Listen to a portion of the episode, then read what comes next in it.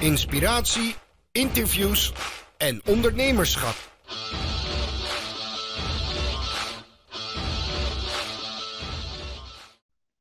Hallo allemaal en leuk dat jullie weer luisteren naar een, eh, een nieuwe podcast in de Mark Onderneemt serie. En uh, vandaag heb ik iemand te gast die ik al een tijdje stiekem op de radar heb.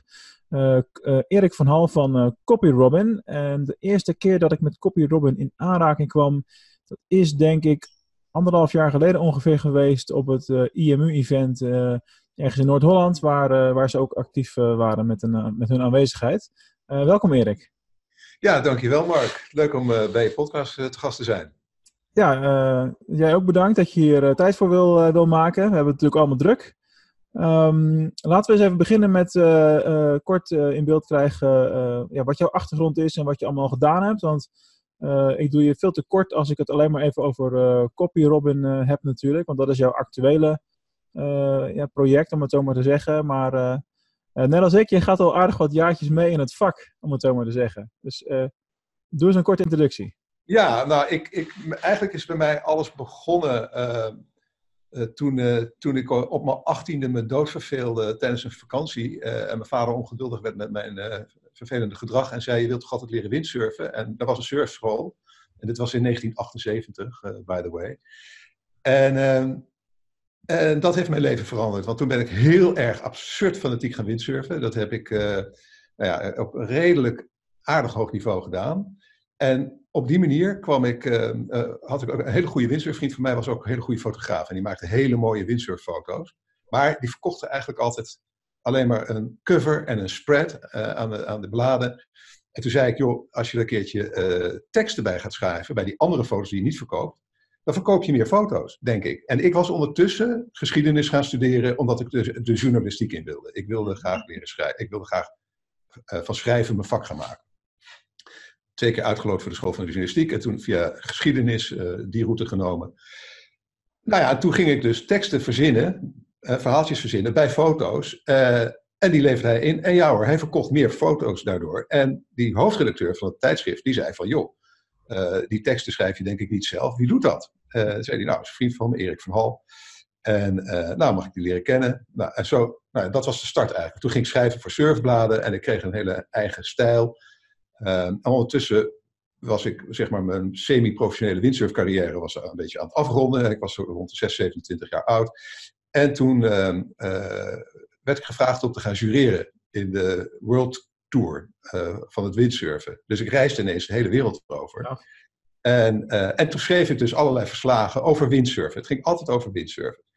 En toen werd ik eigenlijk een soort van ontdekt door, uh, uh, door de marketingdirecteur van O'Neill destijds. En die, ehm, ja, ja, daardoor ging ik nog veel meer schrijven en werd het echt mijn vak. Dan kon ik er ook inmiddels heel behoorlijk van leven. Ehm, nou, dus ik heb mijn studie niet helemaal afgerond. Ik heb mijn scriptie niet meer geschreven, want ik had het zo druk. Dat is met heel veel ondernemers zo, hè? Dat is ja. uh, ik hoor dat echt zo bijzonder vaak. Ja, ik heb wel mijn kandidaats gehaald, dus ik heb op zich wel een mooi diploma liggen. Maar ja, goed, enig diploma, zeg ik altijd, waar me ooit om wordt gevraagd door iemand, is, uh, is mijn rijbewijs. Wanneer ik de verkeerscontrole onderga verder. Ja, het, is, het, het, is wel grappig dat je dat zegt, want uh, op het moment dat dit op, uitgezonden wordt, dan ben ik net begonnen bij de Fontys Hogeschool in Eindhoven als uh, part-time als docent e-commerce. Uh, uh, maar daar moest ik dus, dat, moest ik dus daadwerkelijk mijn HBO-diploma voor van zolder halen en inscannen. En, ja. Ze, ze, ze, moeten dat dubbelchecken dat je die bevoegdheid wel kan krijgen. Ja, precies. Dus dat heb ik achter de hand voor het geval ik ook zoiets ooit zal, zal moeten doen. Maar fijn, dus ik was op inmiddels echt heel erg bezig met copywriting. Dus dat is echt mijn basis. Maar omdat ik nou eenmaal ja, me, graag veel dingen experimenteer en ik ook de controle graag wilde hebben, werd, ik, nou, ik werd gevraagd om ook bij videoproducties, om daar teksten bij te schrijven. De voice-over, die, dat was op tijd schrijven, zodat uh, de, de, de stem die het verhaal vertelt precies klopte bij het beeld. En dat vond ik zo ongelooflijk leuk, eh, dat ik daardoor eigenlijk ja, binnen no time ineens een audiovisueel productiebedrijf had met een partner die uit de filmwereld kwam. En uh, nou, toen was het, uh, nou, nou, dat heb ik een aantal jaren gedaan. Uh, met wisselend succes, zal ik maar zeggen. Maar dat is helemaal een beetje de story of my life, dat wisselend succes. Ja, dat heeft, dat heeft iedereen stiekem wel hoor. Alleen je hoort van heel veel mensen alleen maar de, de zonnige kant natuurlijk. Ja, precies. En, en toen was het 1995 en toen raakte ik helemaal in de band van het World Wide Web. En toen heb ik MediaWeb opgericht. Daarmee heb ik websites gebouwd. Nou, dat heb ik twintig jaar gedaan. Ehm, ook met uh, nou ja, wisselend succes of uiteindelijk uh, met, met, met gewoon niet genoeg succes. Dus ja, na twintig jaar uh, dacht ik van dit, dit, ja, dit, ja, dit ga ik niet meer volhouden. Dit, ik, dit, dit wordt niks meer. Dit gaat niet echt groot worden. Media is overigens nog steeds een blog van mij. Hè. Die blog is onderdeel geworden van mijn nieuwe bedrijf Kopjeron, waar ik zo natuurlijk op kom. En, um, uh, maar, als je dat twintig jaar gedaan hebt en je hebt het over wisselend succes of niet genoeg succes, hè? Uh, dan, maar dan ben je wel ook door de financiële crisis heen gekomen. Ja, ik, eigenlijk was, was mijn, mijn hoe, zakelijk... hoe meet jij succes, is dan mijn vraag daarbij. Ja, dat is een hele goeie. Nou, succes, dat meet je uh, uiteindelijk natuurlijk aan, af aan de kwaliteit van je leven en van de mensen die van, je, uh, van wie je houdt. Het leven, de, hun kwaliteit van leven. En wat dat betreft heb ik het best wel goed gedaan. Alleen je hebt ook een soort beeld van jezelf als ondernemer en de wereld veroveren en, en, en het succes wat eigenlijk waar andere mensen als succes zouden, zouden zien. En, en daarin, ja, laten we zeggen, de ambities die ik had toen ik begon rond halverwege de 20, uh, zeg maar 25, 26 jaar oud, die kwamen er niet uit. En dat frustreerde me op een gegeven moment wel. En, en dat, dat, dat uh, bedrijf, dat MediaWeb, dat, dat bouwde voornamelijk websites. En we hadden ook mooie klanten en, en, en ik had een leuk team. Ik had op een gegeven moment toch zeven man, weet je wel, dus het leek wel ergens op. Maar, uh, Als dat de maatstaf is, ik snap wat je bedoelt, maar. Ja, je? Dus het, en, en, en op, maar laat, laat zeggen, het, het, frustreerde me steeds meer dat het, dat het zo'n feast en famine bestaan was. He, dus het ja, leven. Ja, ja, ja, ik, ik weet precies wat je bedoelt. He, dus, dus dan ging het een tijdje heel goed, had je een paar mooie klanten, nou, en dat viel er weer wat af. En, en het bleef een beetje jojoen, net als mijn gewicht eigenlijk over de afgelopen. ja, feest, feest de herkenning hier tot nu toe. Grappig. Ja, dus, dus, en dat is, op een gegeven moment was dat frustrerend. Maar één ding wat me ontzettend opviel, was dat bij bijna elk webproject wat we deden, dat de teksten van de website waren de bottleneck. Elke, bij, als er vertraging optrad, nou, dan kan het bijna altijd eigenlijk daardoor. Uh, niemand had er zin in. Niemand had er tijd voor. En dan zaten wij websites te vullen met Julorum Ipsum teksten. Uh, hadden we eigenlijk geen idee waar we mee bezig waren. Want ja, wat ben je eigenlijk aan het bouwen? Um, dus ik werd op een gegeven moment echt mijn allereerste blogpost die ik ooit schreef was Dood aan Lorem Ipsum en Photoshop. dat ik vond dat, dat het in 2013 was dat. Mooie dat titel. Het anders moest. Ja, dat het echt anders moest. Dus dat we websites moesten bouwen met echte content voordat we gingen bouwen. En dat we websites moesten ontwerpen in de browser en niet in Photoshop. Vandaar dat ik zei dood aan Lorem Ipsum en Photoshop. Of misschien net andersom, maar in ieder geval komt op hetzelfde neer. Um, nou, en dat, uh, ja, dat idee ontstond dus een beetje in 2013 en in 2015. Toen, ja, toen was uh, MediaWeb kwam eigenlijk weer in een crisis terecht, waardoor, uh, zeg maar, het, het, was altijd al moeizaam. En op een gegeven moment uh, had ik een hele grote opdracht, die, dat was zeg maar mei of zo. En, en op dat moment um, dacht ik, nou is mooi, dan komen we de zomer door. Een grote, hele grote bouw van een hele grote website. En toen werd het ineens uitgesteld tot het volgende jaar. Ja, ja, ja. ja toen dacht ik het eigenlijk allemaal niet meer zo zitten. Ik, ik, het was voor mij echt een, een uh, ja, ja ik, ik, ik dacht van ja, ik, ik trek dit gewoon niet meer. Ik vind deze stress en, en hè, ik had toen ook toch een aantal mensen in dienst. En ja, hoe ga ik die nou weer de salarissen deze zomer betalen? En want we hebben het vooral over ondernemen, denk ik. Hè? Ja, zeker. zeker. En, uh, dus ik naar, naar, mijn Rabobank gaan, waar ik al, al, al sinds 1986 klant was. Uh, uh, om te kijken of ik een beetje extra werkkapitaal voor de, winter, voor de zomer, voor mij meer een winter, maar voor de zomer kon, kon krijgen. En toen kwam ik bij een hele aardige accountmanager. Ik schatte hem een jaar of twaalf, bij wijze van spreken. Maar ik vond een hele jonge, nieuwe, trainee-achtige accountmanager. Super aardig, heel professioneel, eigenlijk niks op aan te merken. Maar die zei ja helaas, ik moet je gelijk doorverwijzen naar de afdeling bijzonder beheer. En die, die lening die komt er ook niet. Nou, dat was 3 juli 2015. Ik weet het nog als de dag van gisteren. En uh, op dat moment stortte mijn wereld ongeveer in elkaar. En, uh, en het, het erge was dat ik die middag, dat was om zeg maar s morgens uh, om 10 uur of 11 uur. En die middag moest ik naar een, een of ander event waar ik de succesvolle internetondernemer moest gaan uithangen. In Ach ja video, met allemaal video ja, productie erbij en een soort ronde tafel. En ja, dat was zo, dat klopte zo niet bij mijn zelfbeeld van dat moment, dat ik daar nog doorheen heb geworsteld. Uh, de rol aardig heb gespeeld. Eh, maar toen ik thuis kwam, was het eigenlijk de, was het gewoon op. En toen heb ik besloten, ehm, ik ga wat er nu nog over is van MediaWeb, ga ik verkopen. Uh, kijken of ik uh, iemand kan vinden die, uh, goed wil en die personeel wil overnemen en zo. Want er zat, zat natuurlijk nog aardig wat omzet in. En op zich best een, een mooie klanten en zo. Dus, ehm, en toen kwam ik op dus de volgende ochtend, ging ik een wandeling maken met mijn hond die eigenlijk meer was, uh, de eerste uur ging eigenlijk alleen maar over, nou ja goed, ik denk dat ik over een paar maanden misschien wel gewoon failliet ben. En hoe moet dat dan? En hoe moet ik de schuld terug gaan betalen? Want bij de bank ben je hoofdelijk aansprakelijk.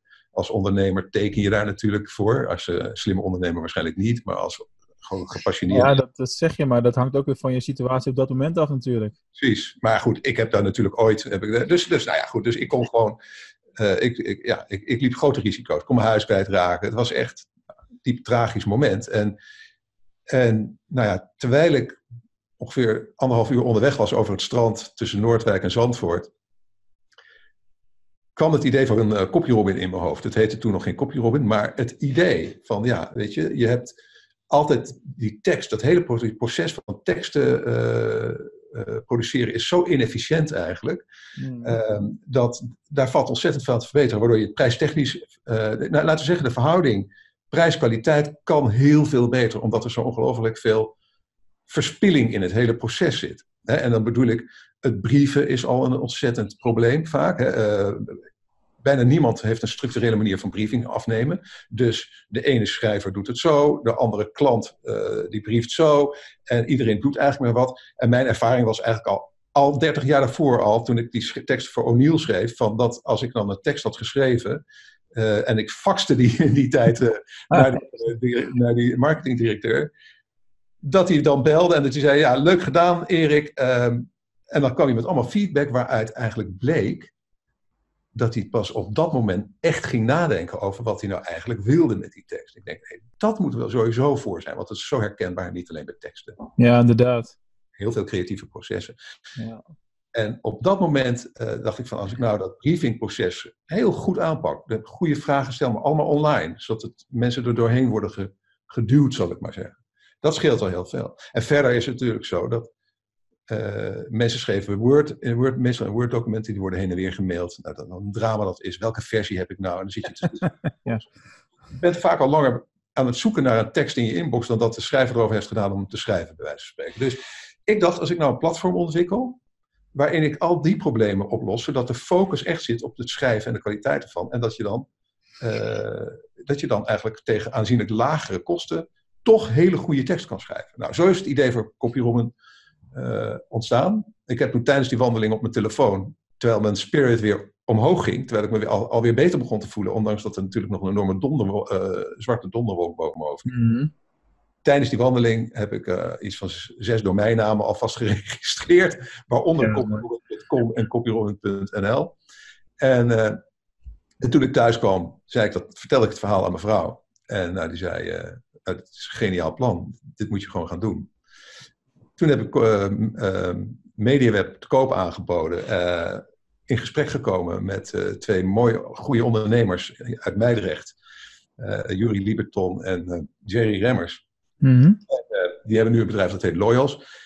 En ik heb toch met totaal vier partijen gesproken, maar met hun, zij kwamen op een gegeven moment een voorstel. Zeiden, joh Erik, we willen, we willen graag je personeel, media de goed wil overnemen, maar we willen eigenlijk onwijs graag meedoen met copyrobben.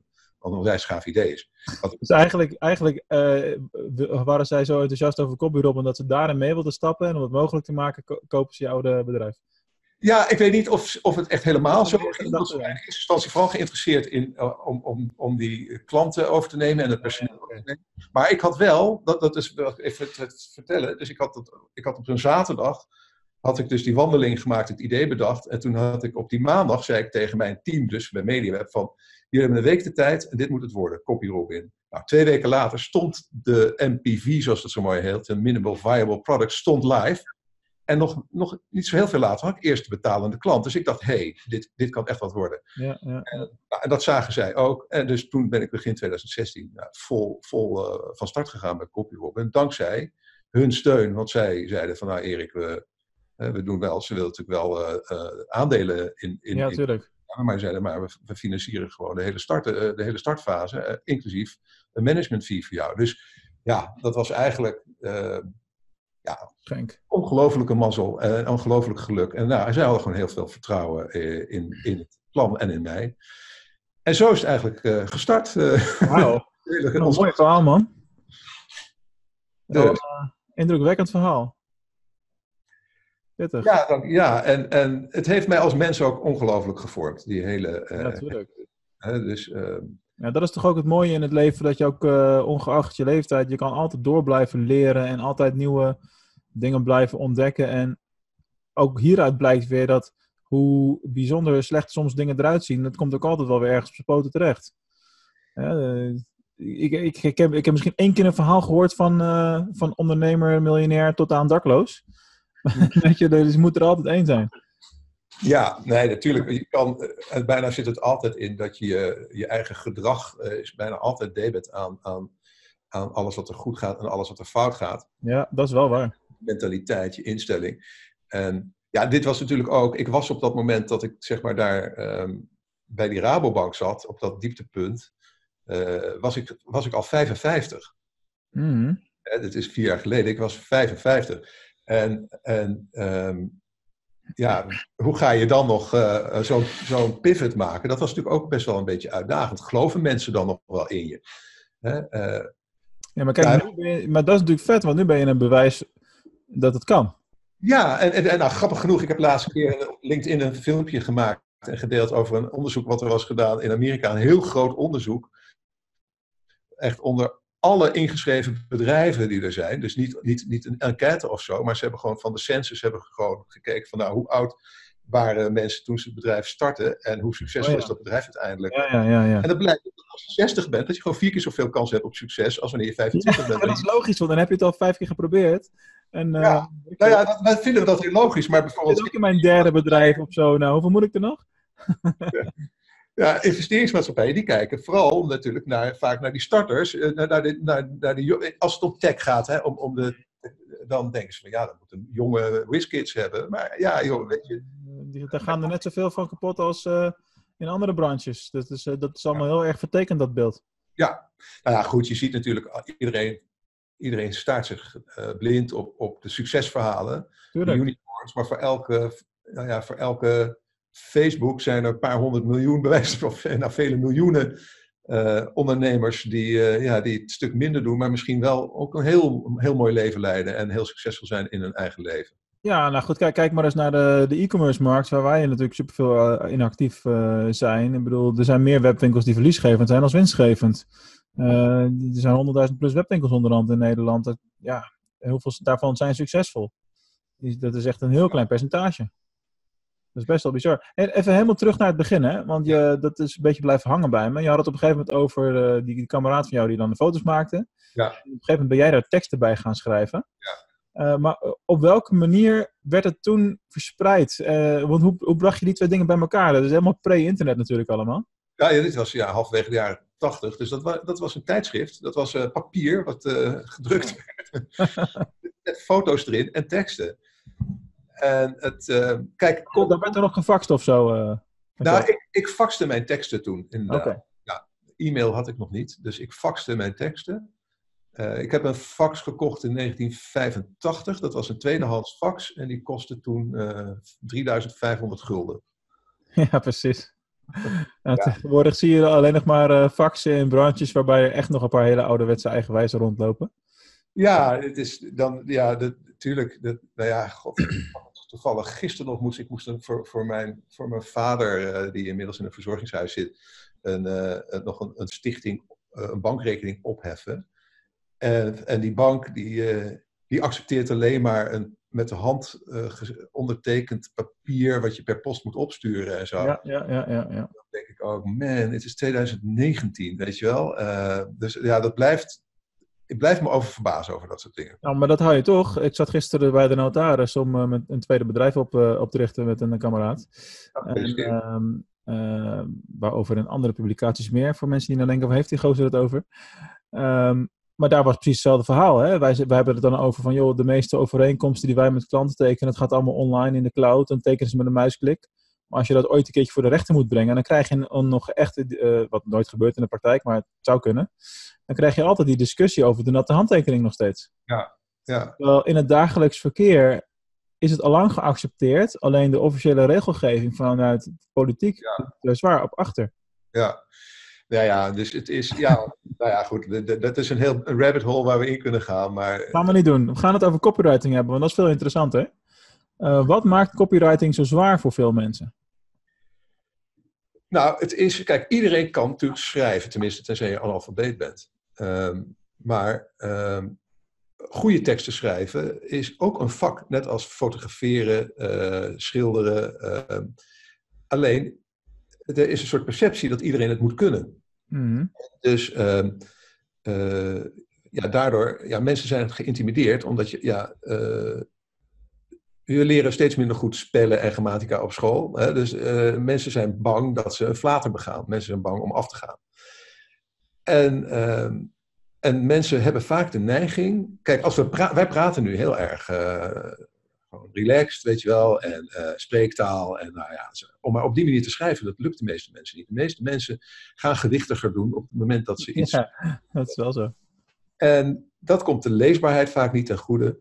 Nou, en om nou teksten te maken die uh, doelgericht voor jouw uh, bedrijf of jouw instelling mensen op, de, op een goede manier beïnvloeden, ja, daarvoor zul je die teksten heel erg leesbaar moeten maken, maar je zal ook een beetje strategisch of tactisch moeten nadenken over hoe je een tekst opbouwt om een bepaald mhm. effect te bereiken. En dat is, lang, dat is echt niet makkelijk. ik merk dat nog steeds. Ik bedoel, kijk, wij werken met heel veel professionele schrijvers. We hebben inmiddels meer dan 120 uh, freelancers in ons bestand zitten. Maar ook daar moet ik vaak toch nog een beetje bijsturen, een beetje opvoeden. Een beetje, weet je, het is gewoon niet makkelijk. En oké, ik heb dan inmiddels nou, zeg maar 35 jaar ruim ervaring. Dus ja, dat, dan word je er op een gegeven moment wel goed in. Maar het is voor, voor heel veel mensen gewoon, gewoon moeilijk. En, en, en, en, maar, daar, maar het, heeft, het heeft ook vaak voor opdrachtgevers voelen vind het moeilijk om de waarde die het heeft daadwerkelijk in te schatten. Hè? Want ja, schrijven is, heeft ook het imago dat het goedkoop is. En ja, echt goede kopie kan zo waardevol zijn. Dat uh, het kan zoveel verschil maken. Het kan alleen al om de keuze van een bepaald woord op een knopje in je, in je e-commerce site. Kan bij spreken, bij hele grote e-commerce sites, kan dat gewoon miljoenen omzet schelen. Hè? Dat je dat je, dat je net een, even een, woord, een ander woord gebruikt. Dus ja, die impact ervan, die kan heel groot zijn. Ja. En ehm, ja, om dat goed te doen, dat is niet makkelijk. Ja. Nee, dat is echt iets dat moet je, dat moet je liggen. Toevallig, uh, ik schrijf ook boeken. Toevallig heb ik het gevoel dat ik daarmee wel gezegend ben, zeg maar. Als ik dan wel eens terugdenk aan mijn HBO-tijd, eh, dan was tekstschrijven altijd degene waar ik het hoogste cijfer had van alles wat ik daar deed. En uh, vind het ook leuk als ik mails moet schrijven of funnels moet schrijven of voor een nieuwe website bijvoorbeeld. Dan heb ik altijd het idee dat dat super snel gaat. En, maar dat zie je pas op het moment dat je het ook door anderen laat doen. En dan gaat het houteriger. En dan realiseer je pas van, hé, hey, uh, wat voor mij vanzelf, wat is met heel veel vaardigheden natuurlijk, wat vanzelfsprekend voelt, wat makkelijk lijkt of is, voor jouw gevoel. Dat wil echt niet zeggen dat dat voor heel veel mensen die in dit geval dan teksten schrijven, ook zo is. Ja. En, maar misschien is het ook wel, net als met allerlei vaardigheden die je, die je kan leren, dat je in eerste instantie natuurlijk allerlei technieken ook moet uh, toepassen die je bewust doet. Hè? Dat, eerst on, dat onbewust onbekwaam, je bewust onbekwaam, dat, dat hele verhaal. Maar je kan het zeker leren. Kijk, copywriting is, is, is net als elk vak. Je kan het gewoon leren. Dus ik bedoel, er zijn heel veel goede opleidingen, trainingen, ja. boeken. Uh, ik, bedoel, ik ben toen geschiedenis gaan studeren om de journalistiek in te gaan. En ik heb daar meer gefocust destijds op vakken zoals taalbeheersing. En uh, daar ging ook al over helder schrijven. In de jaren tachtig waren er ook al boeken over, over uh, klare taal. En uh, weet je wel, dat is niet iets van de laatste tijd. Nee, dat klopt. Content marketing is zelfs iets wat al, al heel lang bestaat. Weet je wel, destijds die, die O'Neill, voor O'Neill destijds maakte ik ook schoolagenda's en tijdschriften. Dat was content marketing. De, de Michelin-gids uit de, begon in de, in, de, uh, het, in de 19e eeuw al.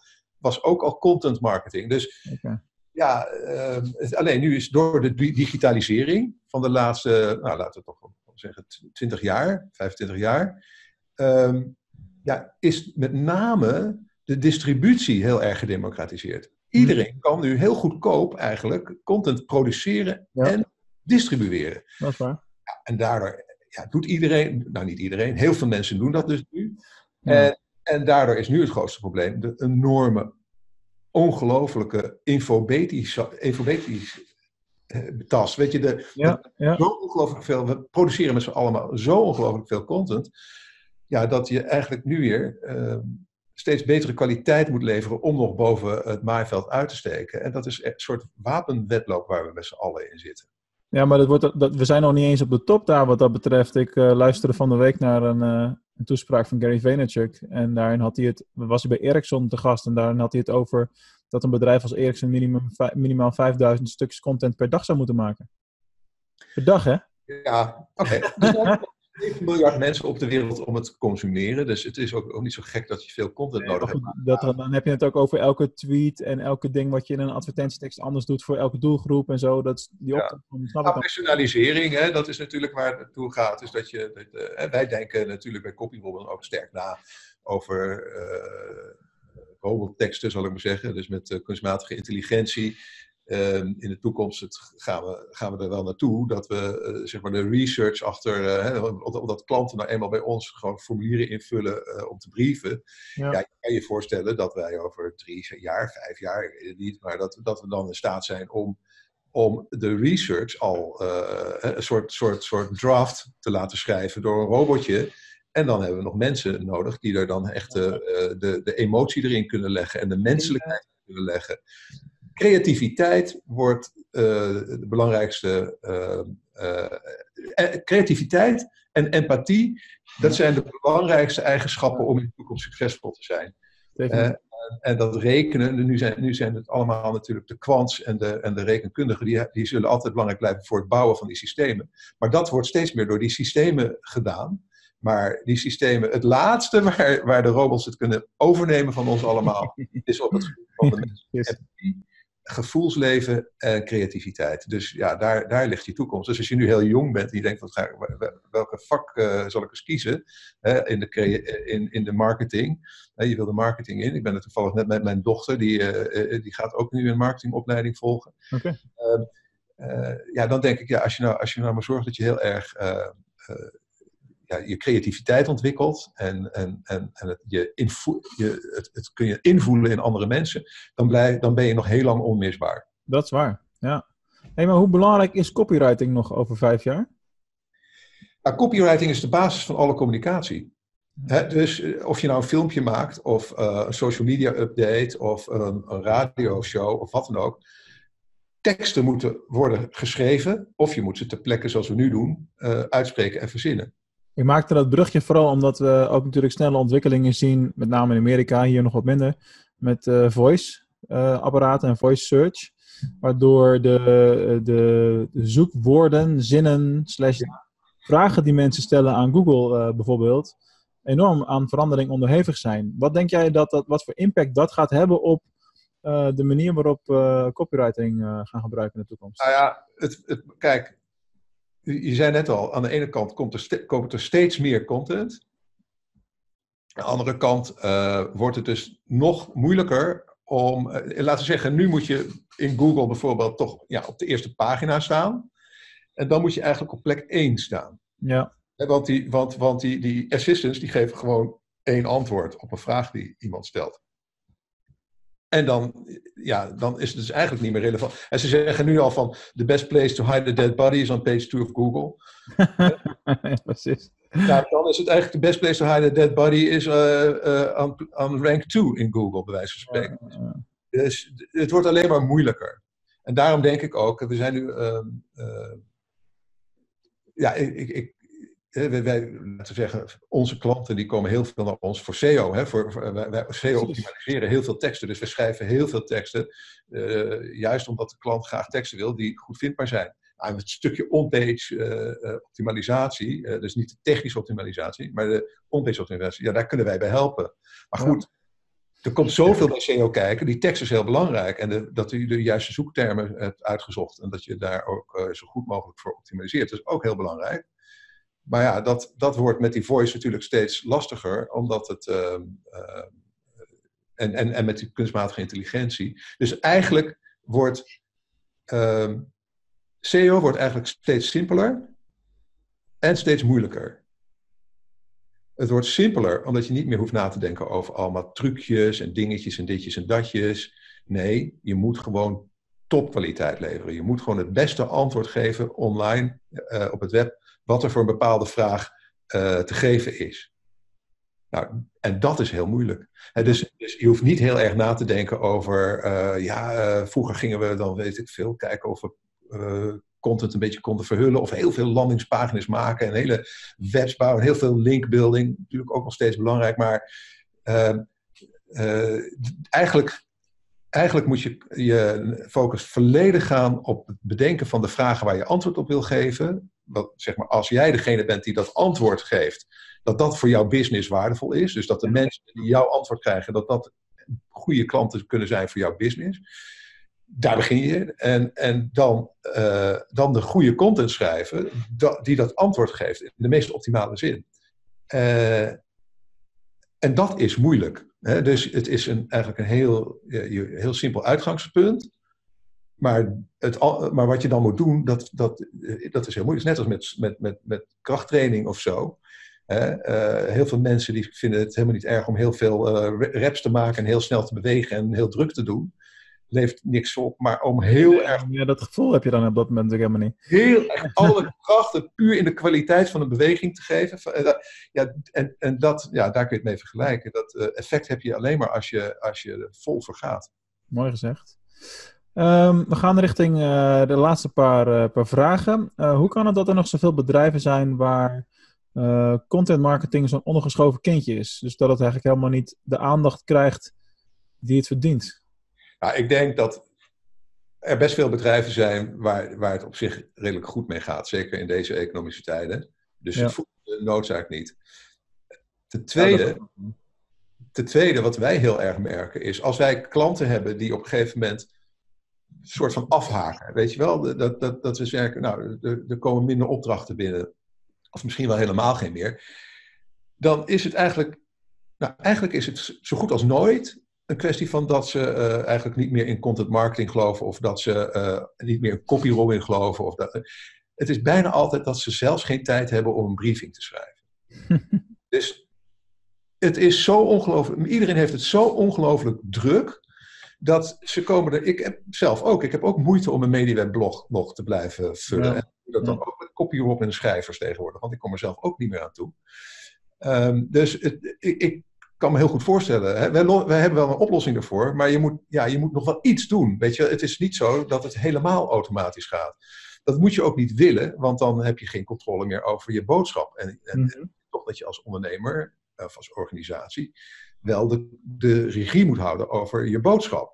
Wij zijn gewoon een puur een uitvoerende. Ja, wij- het, het, het, echt het uit handen. En voor veel bedrijven werkt dat heel goed. Maar ik, ja, ik denk dat ze er ook tegenop kijken. Of ze kijken er tegenop om het uit te besteden. En om het zelf te doen, dat is al helemaal een enorme klus.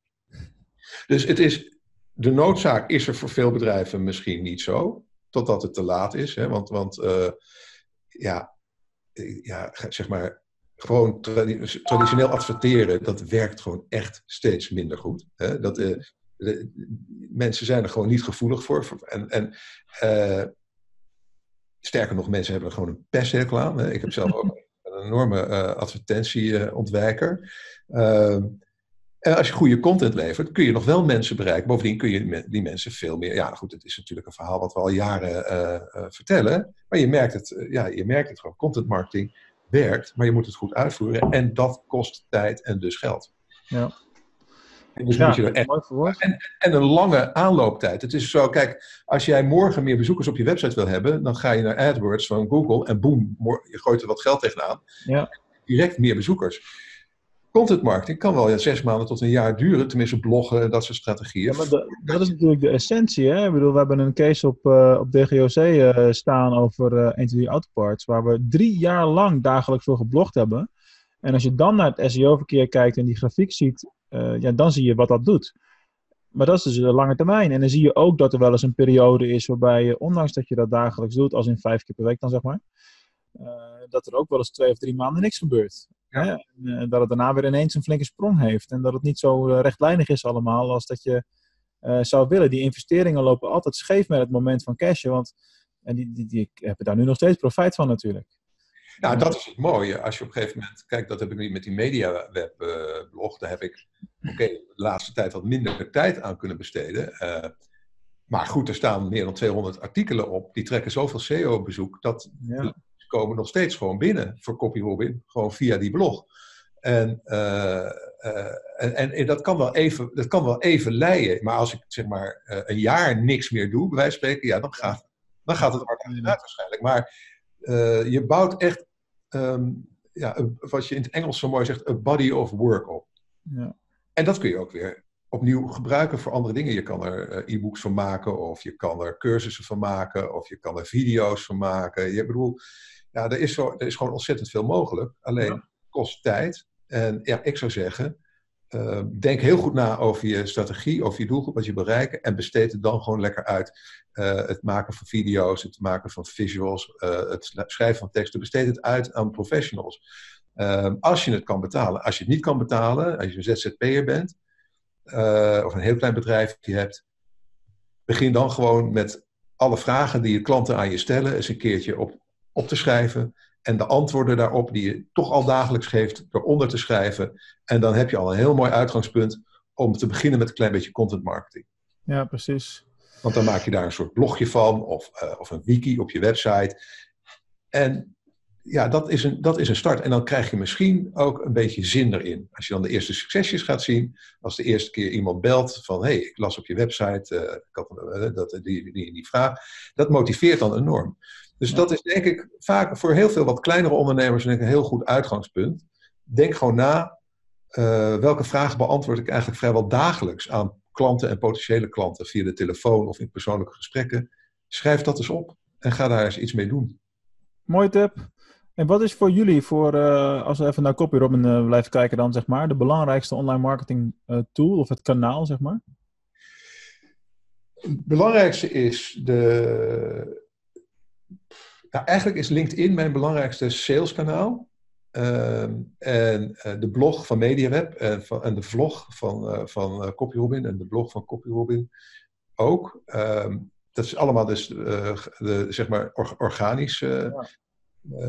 en, maar goed, wij, wij, hebben, wij hebben best wel megalomane groeiambities. Dus wij gaan wel heel veel investeren in marketing de komende tijd. Maar ik heb CopyRobin eerst um, tot, nou, we hebben in april dit jaar hebben we een nieuw platform gelanceerd, maar daar hebben we anderhalf jaar over gedaan om te bouwen. Dus ik heb je verteld dat ik in 2015 een MVP in elkaar heb geknutseld. Daar hebben we eigenlijk best wel lang op doorgebouwd. Ja, ja, ja, Uiteindelijk hebben we nu geïnvesteerd, echt uh, serieus geïnvesteerd in het, ja, het opnieuw, vanaf de grond weer opnieuw bouwen van het hele platform, maar wel helemaal toekomstbestendig. Uh, en nu hebben we ook de Engelse versie, de .com, copyholland.com staat nu ook klaar, want we willen ook de grens over. Uh, praten ook al uh, links en rechts met, uh, met, ja, oriënterend al met eventuele uh, investeerders. Mm. Robin, dat moet het eigenlijk het spektakelstuk worden wat toen ik 25 was ik in mijn hoofd had. Wat ik met mijn leven ging doen. Ehm, Gaat nog wat gebeuren, ja. ja. Gaan we doen, maar wel gewoon omdat ik nu echt heel goed weet hoe het moet. En, en ik die fouten die ik in het verleden heb gemaakt niet nog een keer zal maken. Hey, wat voor rol, die, die vraag schiet me nou ineens te binnen. En ik zit er zelf in, dus dat vind ik altijd interessant. Uh, wat voor rol hebben, heeft het uh, krijgen van kinderen uh, voor jou gehad op jouw ondernemerschap? Wat is er veranderd voor jou in die, periode? Dat is een goede, jeetje. Um, nou ja, goed. Kijk, kinderen kosten tijd en aandacht. En, en, en tenminste, als je het goed wil doen. En het is dus moeilijker te combineren met ondernemen. Aan de andere kant leer je ook om heel veel efficiënter met je tijd om te gaan. En, uh, uh, ja, en als er iets een motiverende factor is om, om, om, om, om succes van je leven te maken, is het om kinderen te hebben. want als je, uh, ja, je wil een goed voorbeeld zijn, uh, je wil zorgen dat zij goed terechtkomen.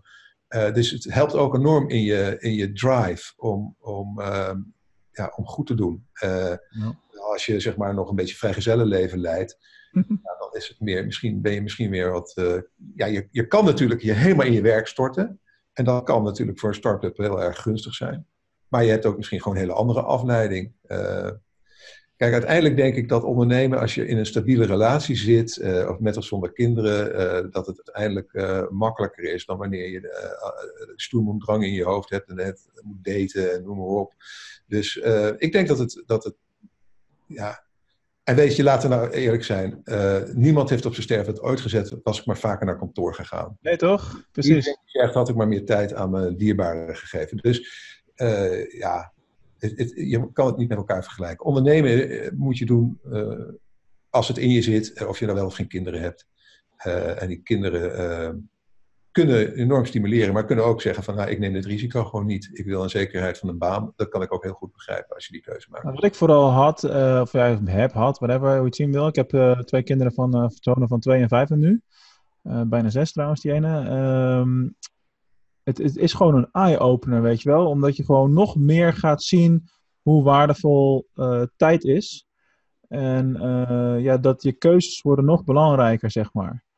En, ja. Uh, ja, daar heb ik nu onlangs nog een, nog een schepje bovenop gegooid door te zeggen van oké, ik ga uh, eh, 24 uur per week lesgeven in Eindhoven. Dat is in feite gewoon, dan heb ik dus een bedrijf te runnen, een tweede bedrijf wat opgericht is en een, en een parttime baan. Dat lijkt waanzin, dat lijkt superveel. Maar dat is dus ook een kwestie, uh, en dan kan je misschien beamen, van hoe richt je dat dan in? Hè, want zo, als ik mezelf positioneer op een plek waarbij ik niet in het bedrijf werk, maar alleen eraan, dan kan het dus wel. Dat is wat ik nu merk. Nou, dat is, dat is natuurlijk uh, time management. Uh, dat, daar zou je een hele blok, hele, hele leiden.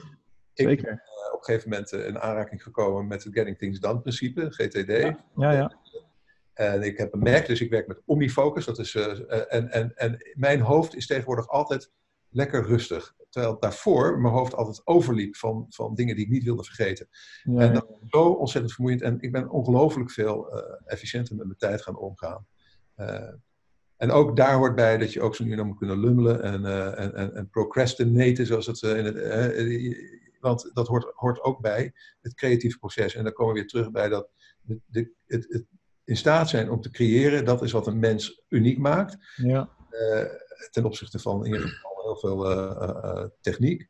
En, uh, ja, en daar hoort ook bij dat je, dat je een gezonde geest en een, in een gezond lichaam hebt. En daar, uh, ja, daar werk ik ook, ik laat het ook vaak weer lopen hoor, een aantal maanden of jaar, maar, maar daar werk ik over het algemeen altijd hard aan.